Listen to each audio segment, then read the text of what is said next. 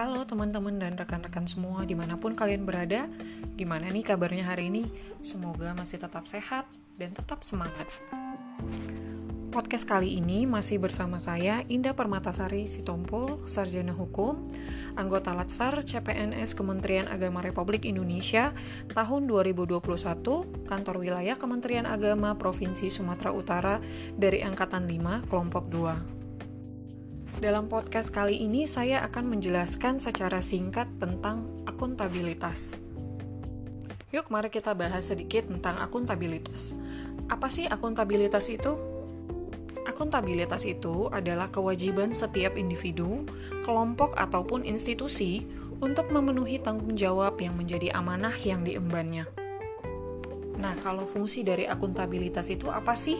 Yang pertama, untuk menyediakan kontrol demokratis yang kedua, untuk mencegah korupsi dan penyalahgunaan kekuasaan, dan yang ketiga, meningkatkan efisiensi dan efektivitas di dalam pekerjaan. Akuntabilitas memiliki lima tingkatan. Yang pertama, akuntabilitas personal, artinya nilai-nilai yang ada pada diri seseorang, seperti kejujuran, integritas, moral, dan etika. Yang kedua, akuntabilitas individu, yaitu hubungan antara individu dengan lingkungan kerja atau dengan instansi. Yang ketiga, akuntabilitas kelompok yang artinya mampu bekerja sama di dalam kelompok. Yang keempat, akuntabilitas organisasi yang mengacu pada pelaporan kinerja yang dicapai. Dan yang kelima, akuntansi. Dan yang kelima, akuntabilitas stakeholder, yaitu masyarakat umum dan pengguna layanan yang memberikan masukan, saran, dan kritik terhadap kinerjanya. Ada sembilan indikator nilai akuntabilitas. Yang pertama, keadilan. Yang kedua, kejelasan. Yang ketiga, integritas. Empat, konsistensi. Lima, transparansi. Enam, keseimbangan. Tujuh, kepemimpinan. Delapan, kepercayaan. Dan yang kesembilan, tanggung jawab. Untuk menjadi seorang ASN yang akuntabel, kamu harus bisa menjalankan nilai dari akuntabilitas itu. Nah, lumayan banyak sih, tapi bisa dengan cara gampang kita singkat menjadi Dilan jelasin konsparansi Bank Pin Cagung.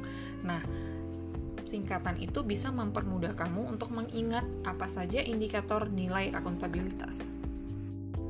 Dari segi jenisnya, akuntabilitas terdiri dari dua macam, yang pertama, akuntabilitas vertikal, yaitu pertanggungjawaban atas pengelolaan dana ataupun kinerja kepada otoritas yang lebih tinggi. Yang kedua, akuntabilitas horizontal, yaitu laporan pejabat pemerintah kepada publik atau masyarakat. Nah, jadi apa kaitan akuntabilitas dengan ASN? Dengan memahami apa itu akuntabilitas, ASN diharapkan mampu memahami nilai-nilai dasar dengan menerapkan konsep akuntabilitas serta mengaktualisasikannya di dalam pekerjaan maupun kehidupannya sehari-hari. Sehingga apabila terjadi konflik di dalam masyarakat atau konflik kepentingan di dalam masyarakat, dia memahami apa yang menjadi tugas dan apa yang harus dilaksanakan, serta sadar akan pentingnya kinerja suatu organisasi yang mana tugasnya adalah untuk melayani masyarakat secara adil dan merata, serta menunjukkan sikap netralitas dan tidak berpihak pada kepentingan tertentu, serta menunjukkan perilaku yang konsisten, serta mengaktualisasikan nilai-nilai dasar aktualisasi akuntabilitas akuntabilitas. Dengan mengetahui apa itu akuntabilitas, diharapkan kita mampu menjadi ASN yang akuntabel, yang mampu mengambil pilihan yang tepat ketika terjadi konflik kepentingan di dalam masyarakat, tidak terlibat dalam politik praktis, melayani warga negara secara adil, dan konsisten dalam menjalankan tugas dan fungsinya. Semoga podcast kali ini bermanfaat dan bisa memotivasi kita untuk menjadi ASN yang akuntabel di dalam penerapan pekerjaan kita. Semoga podcast ini bermanfaat dan menambah Semoga podcast ini bisa bermanfaat dan menambah wawasan kita tentang akuntabilitas. Terima kasih sudah mendengar podcast ini. Salam sehat, tetap semangat.